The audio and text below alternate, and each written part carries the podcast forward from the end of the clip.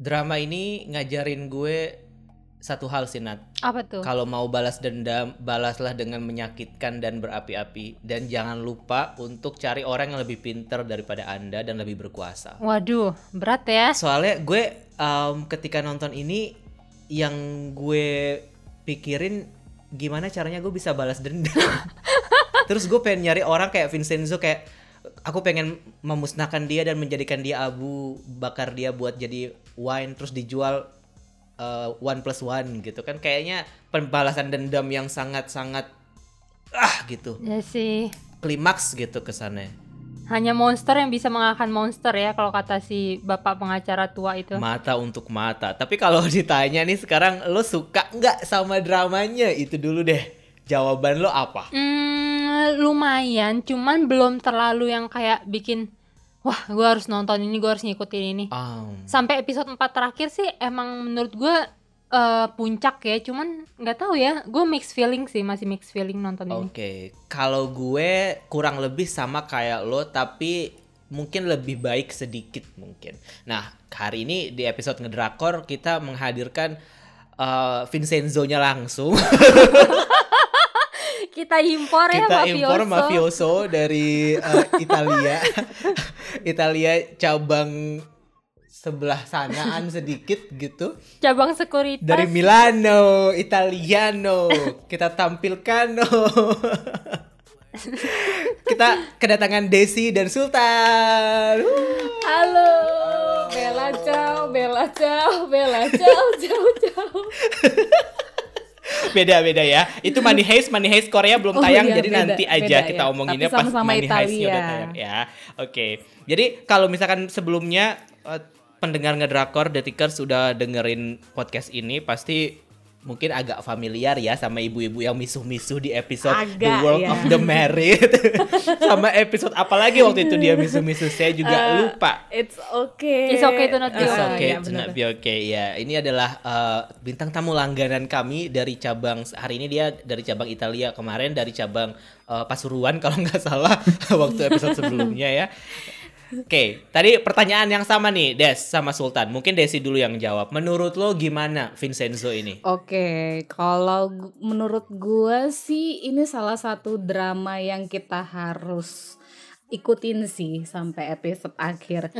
Memang kalau di episode-episode awal gitu ya, episode 1 2 pasti eh gua rasa sih semua orang pasti agak em, boring ya gitu ya. Hmm, Tapi memang di episode 4 nih baru yang gua ngerasa dapet banget nih konfliknya, dramanya, ceritanya baru dapet di episode 4 kalau buat gua. Dan ya yang pasti kalau buat wanita-wanita di luar sana ya Song Joong Ki gitu ya kan. Tidak mungkin ada yang tidak terpesona dengan mafia satu ini gitu Oh, kan. mohon maaf Kak, saya juga sebagai laki-laki terpesona jujur. Oh iya, oh bapak juga ya. Apalagi waktu adegan dia mandi ya, Ya kan bener kan, lagi nungguin air hangat gitu kan. Wah, kotak-kotak, kotak-kotak. Hmm, saya jadi bawaannya pengen jadi gayung pak. Gitu. Untungnya tapi nggak ada gayung ya di kamar mandi bapaknya ya. Iya, dia pakai shower kan saya kesel. Kalau gayung kan saya dipegang terus gitu. Jadi karena sosok Song Joong Ki gitu ya kan. Ini eh, menurut gue sih layak untuk ditonton sih. Ya terlepas dari gantengnya Song Joong Ki, tapi memang ceritanya menurut gue cukup menarik sih karena eh, pengalaman gue dan sepengetahuan gue belum ada sih ya drakor yang menyinggung tentang budaya Itali gitu kan. Biasanya kan Amerika Hmm. gitu-gitu mulu kan. Nah Hmm. kali ini kan Italia gitu. Apalagi di setiap episode si Song Joong Ki-nya juga emang punya dialog-dialog dalam bahasa Italia kan. Akhirnya kita kayak tahu oh oke kalau yang kayak gini-gini eh, dia lagi ngatain orang nih gitu-gitu kan jadi ya lumayan sih jadi ada ilmu baru gitu Ilmu baru selain ilmu balas dendam ada ilmu Iya, bahasa betul. Italia. eh eh wih gitu-gitu ya iya bener gak sih Si dong kalau Itali kalau Oh, iya Wi sih. Prancis dong. Gimana Oh sih iya, Anda? mohon maaf. Aduh, ya pokoknya kayak gitulah. Jadi kan ya apa ya sesuatu yang fresh aja. Pokoknya biasanya cuman Amerika, Amerika apa gitu dia lulusan Amerika, dia tinggal di Amerika balik ke Korea biasanya pasti kayak gitu kan. Pokoknya Korea tuh kayak hamba Amerika banget lah.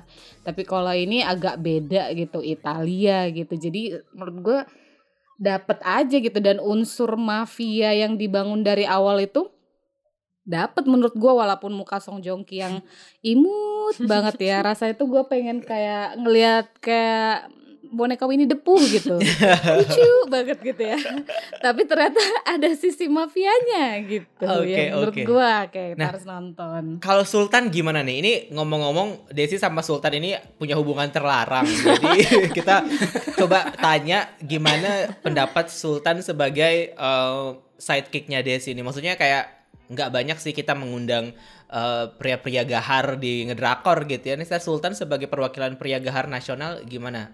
Kok nonton Vincenzo gitu? Oke, gini Ran. Untuk pertama nama gue mungkin di sini Sultano ya. gue mewakili mafia-mafia Itali. Mafioso. Mafioso.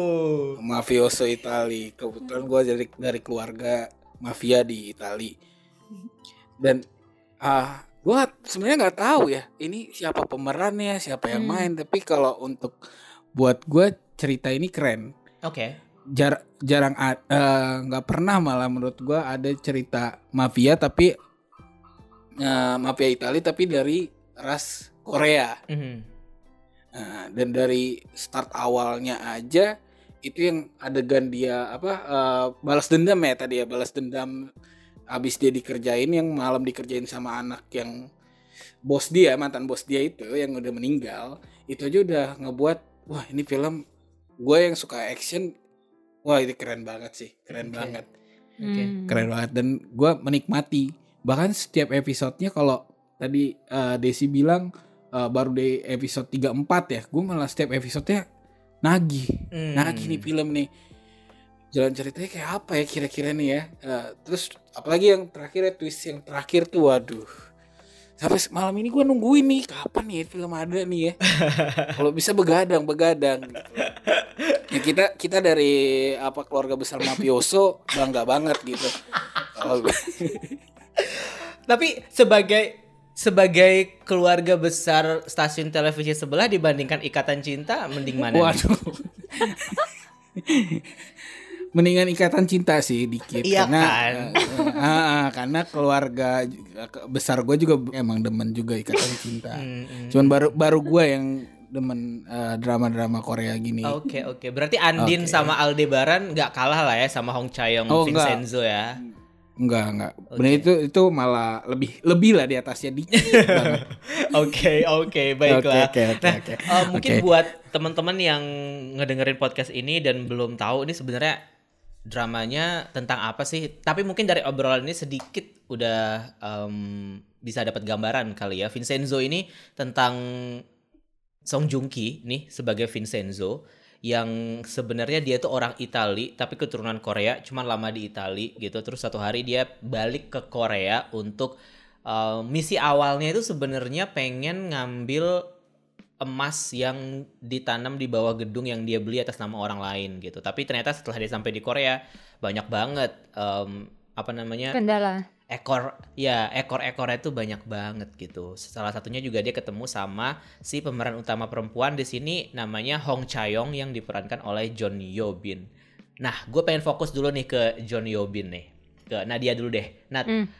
eh, kita sering banget di ngedrakor tuh ngebahas dan suka sama karakter pemeran utama cewek di drama Korea yang kita bahas kayak sebelumnya eh, ada So Ye Ji di Hmm. Psycho terus juga um, Mr. Queen ada Shin Hye Son dan di uh, World of the Married juga ada ibu-ibu cantik itu gitu. Gue lupa namanya siapa mohon maaf. Nah John Yobin di sini menurut Tobing. lo gimana? Lulu Tobing. John Yobin di sini menurut lo gimana Nat? Uh, sebagai ka- karakternya dia sebagai Hong Chaeyoung nih. Hmm, karena gue ngikutin karya si penulisnya Park Jae Bum ini kan, emang cukup banyak sih karakter-karakter yang mengingatkan gue sama yang di The Fiery Priest termasuk si ceweknya ini si Hong Chayong ini dan gue juga baca-baca ya di Google atau di Twitter ada segelintir orang yang ngerasa terganggu gitu sama aktingnya si John Yobin yang kesannya tuh kayak terlalu overacting gitu. Gue salah satunya. Gua juga, gua juga, gua juga, Gua nggak, gua nggak. gua juga. Gua Berarti tiga lawan nih. satu ya, Des. Iya. Soalnya gue sendiri pun yang udah melihat langsung karakter cewek gengges nyebelin yang di The Fire Priest ngerasa eh, John Yobin di sini tuh agak kurang pas gitu. Entah apanya ya. Menurut gue kayak kadang tuh eh, terasa agak berlebihan aja gitu. Sama, gue setuju sama lo. Em, gue pas awal-awal ngerasa kayak dia menyampaikan jokes dan juga hal-hal dari gesture gitu-gitu agak nggak natural menurut gue. Mm-mm, kayak terlalu effort ya. Iya iya iya. Maksud gue kayak ketika lo ngelihat Shin Hye Son di Mr. Queen gitu, dia tuh flawless banget ya. Maksudnya dia bisa melakukan adegan yang Hmm. sok-sok cowok, Mm-mm. jadi dia di badan cewek itu masih menurut gue tuh pas banget gitu. Terus kalau eh, So Ye Ji di Psycho dengan gloomy-nya dia tapi tiba-tiba bisa jadi imut dan annoying itu cepet gitu buat gue untuk tertarik sama dia. Sementara kalau di John Yobin ini awalnya gue kayak gitu yang ini mbak mbak kenapa ya gitu. Cuman setelah masuk di episode 3 episode 4 gue akhirnya jadi memaklumi itu mungkin kayak oh ya udah oke gitu. Kalau Hmm. dari akhirnya jadi ya udahlah gitu pada akhirnya. Cuman memang tidak mm, menyangkal bahwa agak aneh sih karakter ini dan cara dia berakting itu juga menurut gue awkward gitu. Iya, karena gue bukan bermaksud mau bandingin ya, cuman mau nggak mau gue jadi keingetan karakter Ihani di The Fire Priest dan menurut gue Ihani itu jauh lebih dapet gitu acting jadi cewek gengges aneh, tapi tuh natural gitu. Hmm, hmm, hmm.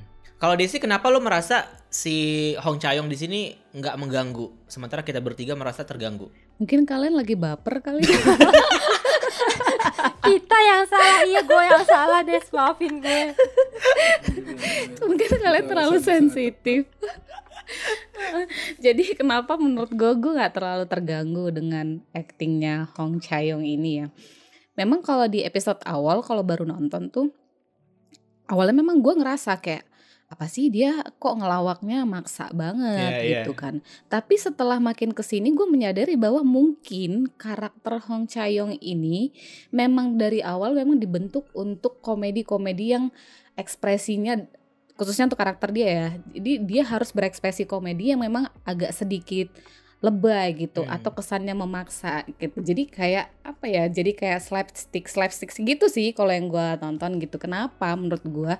Mungkin bukan hanya Hong Chayong juga sih. Jadi kayak beberapa pemeran yang lain juga yang kayak penghuni-penghuni di apartemen itu juga kan mereka ketika ada adegan komedinya pun ada yang terlalu lebay sih menurut gua gitu kan. Iya, Tapi iya. justru kelebayan itu yang buat gua jadi lucu Hmm. gitu. Apa sih lebay banget ketika ngelihat eh ket- ketika kaget gitu misalnya orang muncul dari bawah gitu terus wah lebay gitu kan. Ya memang lebay tapi ju- justru bagi gua di situ lucunya gitu. Apa sih kalau lebay banget tapi jadi lucu gitu. Oh, Mungkin oh, buat oh, gue jadi kayak kayaknya ada memang dibentuk dari awal deh untuk seperti itu buat gua ya. Makanya gua ngerasa ini tidak ada yang eh mengganggu sih dari acting dia malah buat gue jadi kocak karena kayak si Song Joong Ki-nya, si Vincenzo-nya yang karakternya diem, dingin, misterius gitu ya. Tapi sial mulu. Terus ketika dia dapat partner yang eh, apa ya ekspresif gitu kan, terus eh, ketika bicara juga dengan mimik muka yang ekspresif juga gitu menurut gue itu jadi dua hal yang bertolak belakang tapi jadi lucu ketika ngelihat mereka interaksi Song Joong Ki yang yang kalem tiba-tiba di eh, tandemin sama orang yang kalau apa-apa lebay gitu Hmm. jadi menurut gue jadi lucu gitu Oke, oke. Nah, sebenarnya masalah yang komedi dan Vincenzo dan Song Joong Ki kita pernah bahas juga di episode The Drakor sebelumnya kayak gue sama Nadia sempat bilang kalau masa sih ini akan jadi eh, jadi komedi gitu karena kayaknya menggabungkan komedi dengan mafia tuh kalau di gue pribadi kayaknya nggak nggak nggak bisa deh nge-mix gitu kan. Hmm. Jadi eh, dan gue sempat lupa tuh sama sinopsis-sinopsis yang ada di em, situs-situs berita yang ada di Asian Wiki dan segala macam soal si Vincenzo ini sampai akhirnya di episode 4 gue baru gue baru inget bahwa ternyata eh, oh misi dia kembali ke Korea itu kan memang menumpas kejahatan orang-orang kerah putih kan sebenarnya. Hmm. tapi hal-hal yang kayak komedi itu gue nontonnya flat banget sih. Mungkin kalau Desi tadi bilang gue nontonnya pas lagi baper mungkin justru enggak ya. Gue mungkin nontonnya pas lagi emang nggak ada perasaan apa-apa deh kayaknya pak. Atau pas lagi emosi berlebih atau gimana gitu ya. Nggak yang sampai sedih gitu. Soalnya sumpah eh, bahkan biasanya gue kalau ngelihat adegan orang yang adegan orang yang sosokan jadi zombie itu yang mau audisi train to Mm. train to Ulsan itu itu pasti gue ketawa karena di train to Busan aja gue ketawa ngelihat zombinya gitu ngelihat mereka yang meliuk-liuk itu tapi kenapa pas di sini gue nggak ketawa ya gitu kayak gue agak mempertanyakan itu sih ini komedinya nggak dapet sih di gue banyak banyak momen komedinya yang menurut gue agak terlalu maksa gitu kalau Sultan gimana? Kalau tadi kan lo udah ngelihat dari sudut pandang yang oh ternyata actionnya gue dapet nih. Nah kalau dari komedinya menurut lo gimana? Kalau komedinya, gue suka apalagi adegan Vincenzo sama eh, orang Itali asli tuh yang jadi papa-papa kantin. Oh, yang iya, iya, iya. Jualan. Iya iya iya. Apa kantin? yang, yang jual yang jualan spaghetti. Iya iya. Wah itu gue paling demen banget tuh liat komedinya mereka Hmm. gitu. Ditambah lagi sekarang ada ini baru ya pemeran baru yang polisi nyamar itu ya. Nah terus dia digabungin sama si bapak-bapak kantin tadi tuh. Dan menurut gue mereka bertiga tuh bakal justru komedinya akan dari mereka tuh. Iya kalau itu Dari- sih kalau itu gue suka sih. Kalau yang lain mungkin Iya. gue agak kurang. Nah ah, kalau yang penghuni yang lain kurang, gue juga setuju. Nah komedi itu di mereka itu nanti bertiga. Nah gue gue demen sih tektokan komedi di situnya. Hmm, hmm, hmm. Kalau Nadia gimana? Gue makanya gue kaget waktu lo cek bilang gue nggak ketawa sama sekali nonton episode 1 gitu. Asli Sedangkan asli nggak ketawa. Gue tuh ngerasa Iya, nggak udah tahu. mati rasa kayaknya nih. Ya Nat ya. Iya parah, nggak ada lagi Ron yang receh. Ron yang receh sudah mati. kayak misalkan yang adegan biksunya lagi apa kayak bertapa gitu terus disuruh angkat bokong kanan kiri itu juga Iya Parah iya. sih. iya, iya. komedinya gue dapet sih kayak black black komedi kayak gini tipe gue sih Heeh. Gue yang gue yang gue ketawa itu yang waktu adegan justru yang pas Hong Chayong bilang ada salah satu dari orang mati terus eh, Song Joong Ki langsung eh, ini yang apa gerakan itu des? Yang gerakan salib eh, jidat Oh, iya, iya, Ya, iya, itu, iya. itu, itu gue Ah, itu gue ah. ketawa justru di situ. Kayak oke gitu. Itu masih masih gue masih oke gitu. Nggak yang sampai yang ketawa haha gitu. Justru kalau yang adegan waktu si eh, apa audisi zombie itu gue malah ngelihatnya kayak ini mereka an- antara emang mau nyindir kebanyakan program zombie di Korea atau gimana ya. Kalau gue tuh malah suuzon aja sih kayak kayaknya mereka nyindir deh supaya orang-orang ini kayak stop lah udah nggak usah zombie zombian lagi. Gitu. Hmm, hmm, hmm. gitu sih Mungkin coba pocong-pocongan mungkin ya. seru kan cuman masalahnya di Italia nggak ada pocong tuh mau ngomong-ngomong. Gitu Eh, tapi menurut gua tuh komedinya ya eh, tipikal komedi program-program Asia sih. Kalau misalnya kita nonton film-film Hollywood gitu ya, mereka kan komedinya lebih cenderung di dialog ya. Hmm. Kalau misalnya kita coba di Friends atau apa pun lah gitu film-film komedi kayak Glee eh, gitu ya Amerika gitu, eh, Glee itu pasti mereka bermainnya di eh, dialog gitu, dialog antar castnya gitu. Tapi memang kalau Asia tuh memang dia lebih ke eh, apa ya gerak gerak tubuhnya Ekspresi. gitu. Itu yang dijadiin bahan komedi Hmm. gitu. Eh, contoh kayak Mr. Queen deh gitu. Kenapa lucu gitu kan? Kalau misalnya si Shin Hye Sun Ah, Yesunnya gitu kan. Kalau misalnya dia tidak menunjukkan eh, gerak tubuhnya yang dia eh, jalan kayak laki-laki terus duduk gitu, terus dia sambil megang-megang eh, janggut gitu, seolah-olah dia punya janggut gitu kan.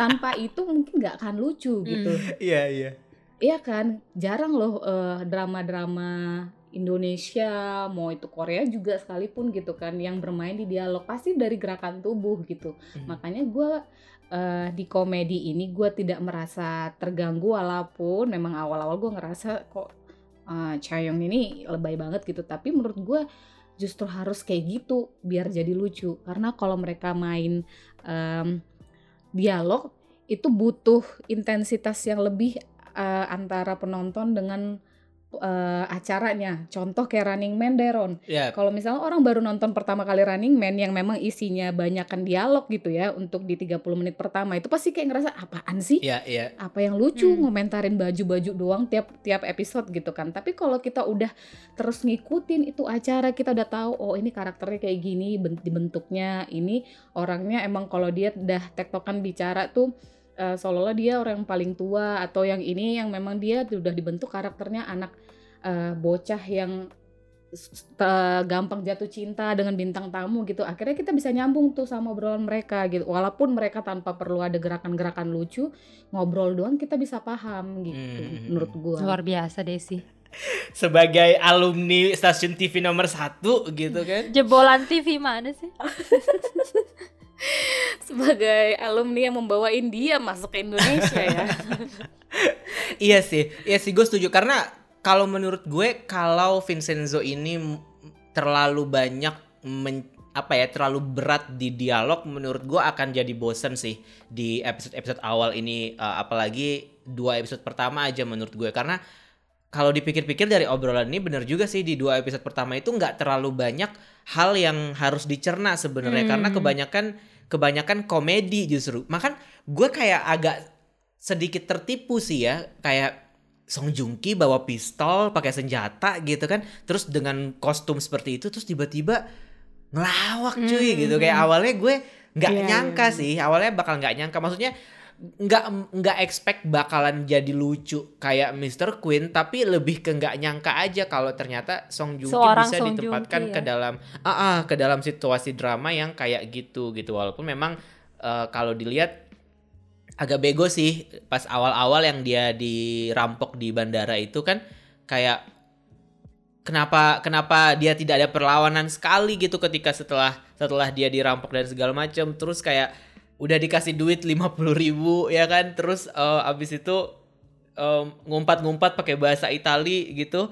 Terus abis itu pergi ke Gemga Plaza tiba-tiba bisa ganti tiap hari aja. Jasnya kan dia nggak bawa koper gitu kan kayak gue. Tetap ya kayak tetap mau julid Tetap intinya. overthinking. mana kayak kayaknya dia nggak bawa koper deh tadi kok tiba-tiba jasnya ganti terus ya gitu Kan ada itu si Pak Choi yang nyediain semua kebutuhan iya bener dia. kan ada pamannya bener Mana sih Loron? tapi kan Dia jahit. Nggak, jahit di situ dia ya. Masalahnya jasnya itu selalu dari Itali yang handmade, yang mahal gitu. Hmm. Sementara Pak Choi itu kayaknya nggak ada terlalu banyak involve ke masalah fashionnya Italinya dia gitu. Mohon maaf Ron kalau misalnya nanti dimasukin ya ada adegan dia ngirim jas dari Italia terus nunjukin buku rekening itu kayak durasinya mungkin harus 180 menit satu iya episode. sih, iya sih. Cuman kayak oh gitu. Cuman yang gue suka lagi dari sebenarnya yang terlepas dari jokes yang nggak mempan sama gue, terlepas dari mungkin eh, ceritanya juga yang actionnya, pembahasan dendamnya itu sebenarnya yang yang yang yang gue suka dari Vincenzo ini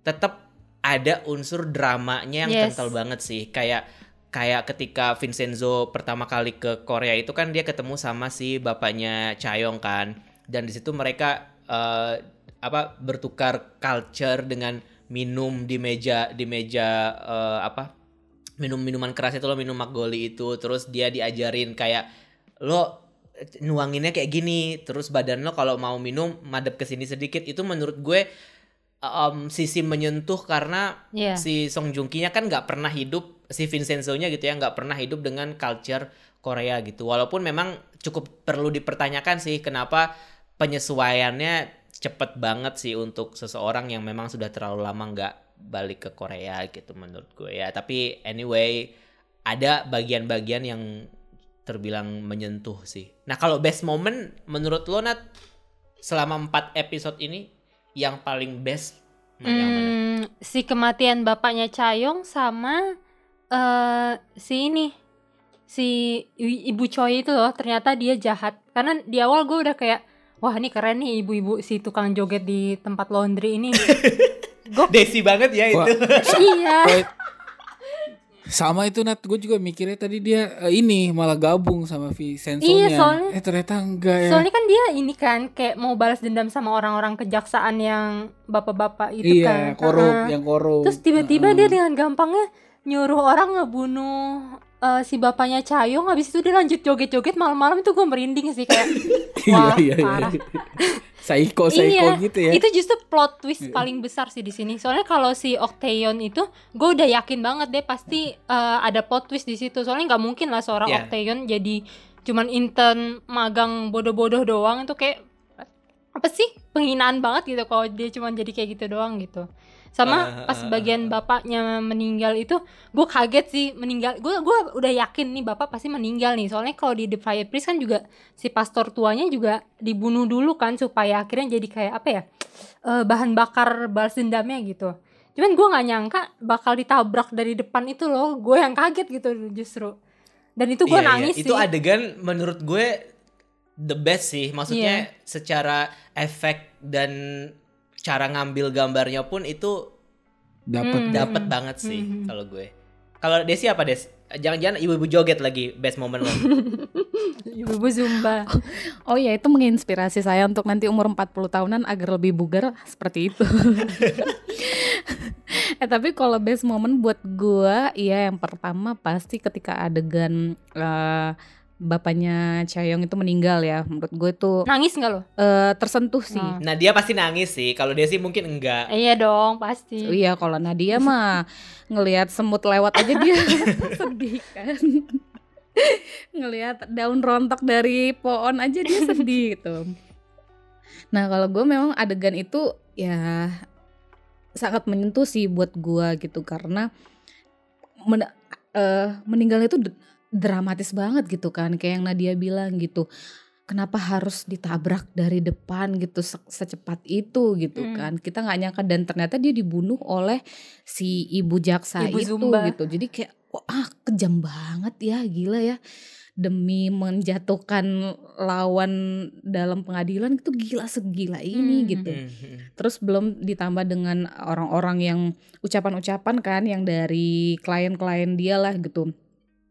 Eh, yang pada datang gitu ngasih bunga. Oh, iya, iya, itu- itu eh, juga. eh, Iya. sticky notes gitu-gitu kan dari orang-orang yang mungkin dulu pernah dibela gitu kasusnya sama bapaknya Chayong itu. Jadi menurut gue itu sangat menyentuh gitu dan gue ngelihat sedihnya Chayong gitu ya kayak rasa penyesalan sebelumnya gue berantem terus sama bapak gue sampai ketemu pun terakhir gue nggak sempet gitu terus tahu taunya mau ketemu eh meninggal gitu kan Hmm. dengan kondisi ditabrak gitu dibunuh gitu sama orang menurut gue itu sangat amat menyentuh lah best moment nah yang kedua ya itu di plot ketika si Taeyeon ternyata adalah pemilik dari Babel. eh, farmasi bubble itu kan Hmm. Memang sama kayak Nadia gue dari awal tuh udah curiga masa iya sih dia cuman anak magang setuju gue Nat gue juga pen nggak yakin gitu masa iya dia dibayar buat peran yang kayak gini doang? Receh banget.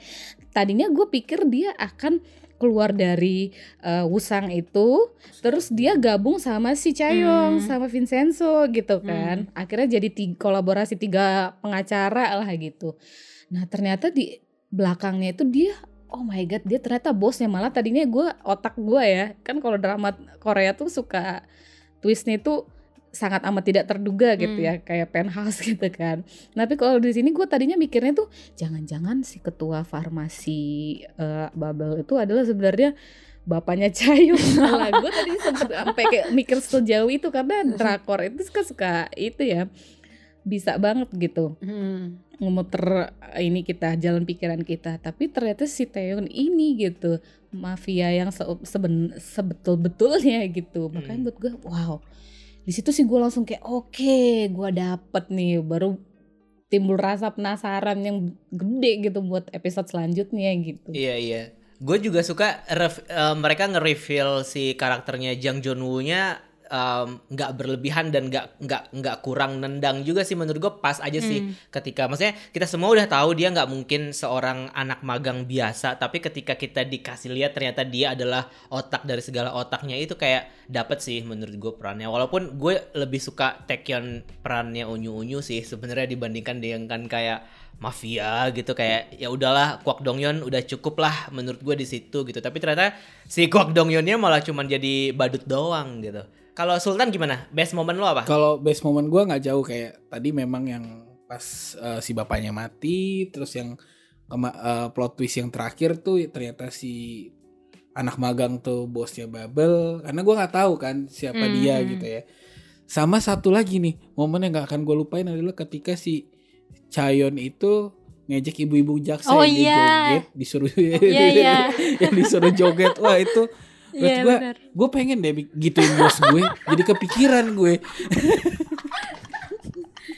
sekali-sekali ada gerakan dia yang gue tiruin gitu depan dia Iya gitu benar-benar. pengen deh itu menginspirasi banget buat gue Gue juga gak nyangka sih dia bakal ngenyainnya kayak gitu. iya itu itu sih momen paling the best buat gue tuh. Iya iya iya iya. Kalau gue justru gue lebih gue sangat menikmati momen-momen balas dendamnya sih sebenarnya. Kayak gimana kita dibuka dengan dengan uh, pembakaran kastil di Itali itu gitu kan. Dan kemudian episode 4 ditutup dengan pembakaran si uh, tempat penyimpanan obat gitu. Maksud gue kayak uh, selama dua pekan Vincenzo ini tuh bener-bener uh, comfort circle gitu jadinya. Dan apa ya ketika episode 4 ending yang balas dendam itu banyak banget uh, kepuasan dari orang-orang yang sudah merasa tersakiti selama 10 hari terakhir setelah kematian bapaknya kan. Hmm. kayak uh, si Chayong merasa puas karena si yang nabraknya juga akhirnya mati. Itu tuh kayak wah gue seneng banget sih kalau pembalasan dendam itu berakhir sama kayak orang yang harusnya maksudnya ya ya kita udah dibilang kan an eye for an eye gitu. Kalau lo emang mau uh, ngebunuh orang berarti lo harus mati gitu. Dan itu ditunjukkan banget di Vincenzo ini. Jadi kayak nggak ada istilahnya kayak drama-drama belas kasih gitu loh maksud gue. Kayak Vincenzo ini juga posisinya sebagai orang orang ketiga yang sebenarnya mm, misinya tuh bukan ini sebenarnya misi di utama dia kan cuman menyelamatkan emas itu dulu kan tapi Hmm. kita ke distract sama permasalahan-permasalahan yang lain tapi permasalahan-permasalahan yang lain itu orang-orangnya mati itu dengan dengan bikin puas penonton gitu apalagi penonton yang penuh dendam kayak gue gini gitu kan kayak lagi ada masalah apa sih Ron?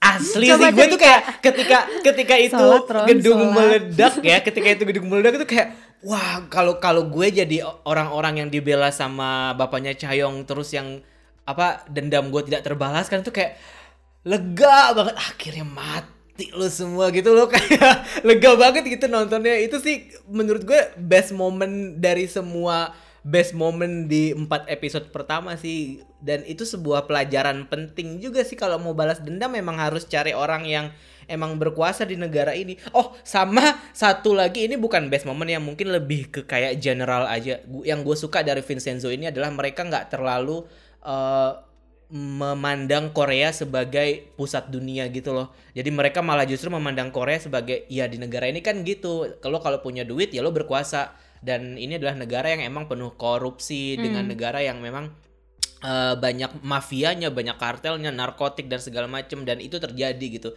Gue suka sih sudut pandang itu karena selama ini drama Korea kan selalu yang kayak wah makanannya enak gitu, tempat liburan gitu kan, kayak Hmm. pariwisatanya bagus. Tapi ketika ngomongin yang busuk-busuknya selalu ditutupin kan. Nah di Vincenzo ini menurut gue tidak realistis mungkin iya, tapi setidaknya ini memberikan sudut pandang yang lain bahwa ya di setiap negara itu punya permasalahannya sendiri-sendiri ya. Mungkin di Korea eh, digambarkannya dengan seperti ini walaupun mungkin memang nggak nggak beneran terjadi sih. Cuman ya negara mana sih yang nggak korup cuy? Ya nggak sih Iya, gitu iya. loh maksud gue. Iya kayak sering banget sih drama mereka tuh kalau yang tua-tuanya tukang korup, yang remajanya tukang bully. Itu kayak dua topik yang sangat sering dibahas sih sama drama Korea.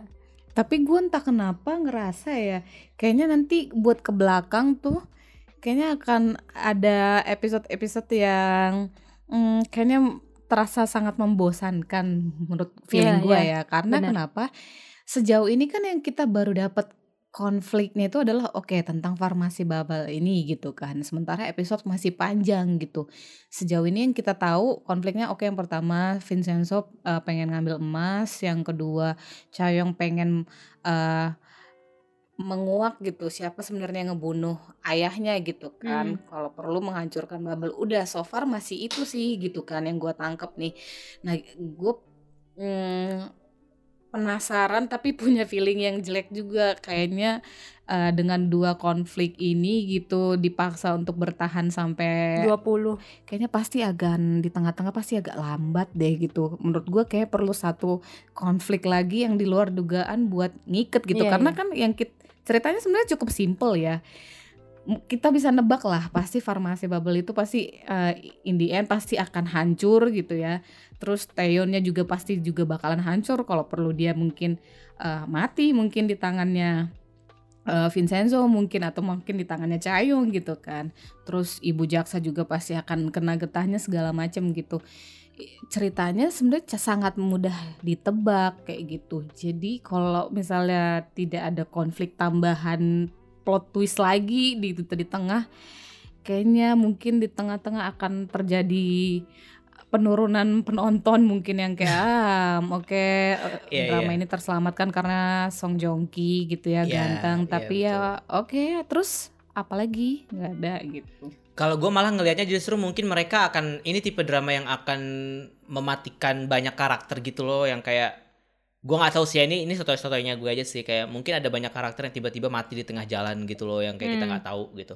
Atau kalau plot twist yang paling terplot twist ya semuanya jadi zombie udah ada yang latihan juga kan buat jadi zombie mungkin beneran jadi zombie tuh. Dan masalahnya si Chayong kan sempet ini kan kayak minta Vincenzo udahlah kita nggak usah eh, ngilangin nyawa orang lagi gitu. Terus kayak ya terus gimana dong? Ron gak jadi senang-senang lihat orang meninggal lagi iya dong.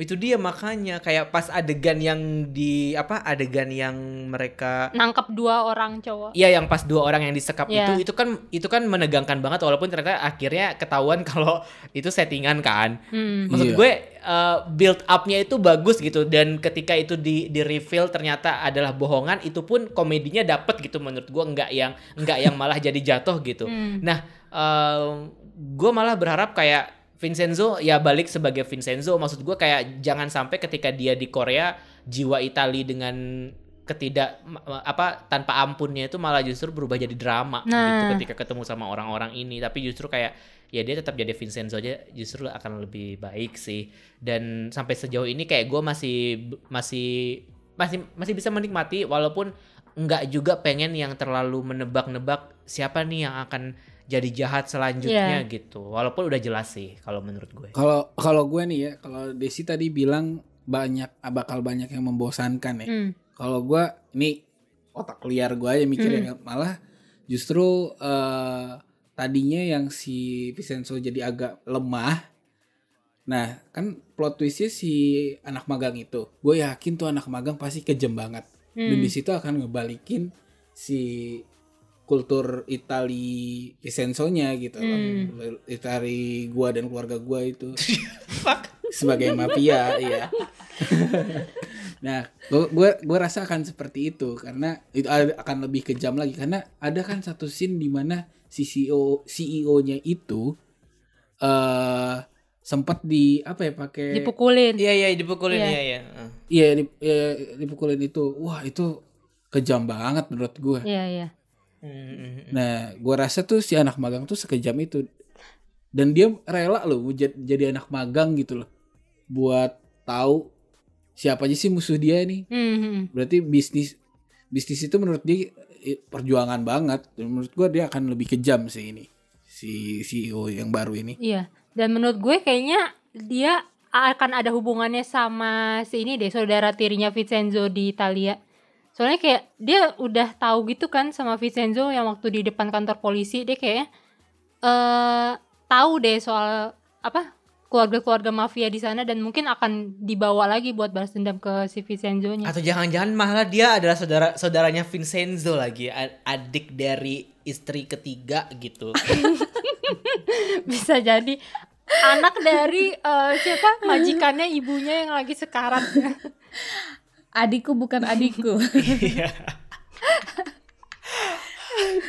Tadi gua uh, sempat ikutan yang ngebahas siapa tuh yang ceweknya? C- Cayong Oh, ya? Cayong. Iya.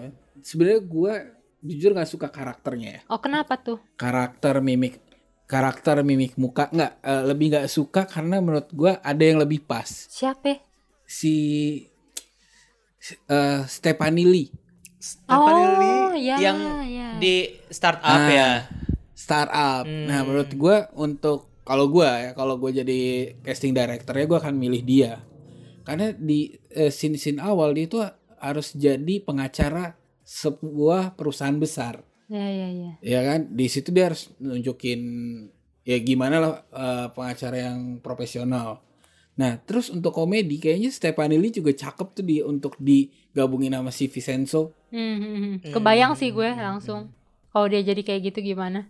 Karena di startup pun dia agak-agak sedikit gitu kan, annoying nyebelin, cuman eh, ya bikin kita suka juga gitu. Iya, lucu jadinya ya kan dia. Hmm. Di ending-ending malah jadi lucu. Iya sih. Walaupun kalau gue nggak bisa, makan ketika gue nonton ini gue nggak ngebayangin Stephen Lee, justru gue malah justru Shin Hye Sun sih. Kalau Shin Hye Sun, Nah, kalau Shin Hye gue rasa dia, ya, dia akan memerankan ini dengan baik dia sih. wah banget sih emang. Oke, okay, gue googling dulu ya Shin Hye Sun yang mana ya?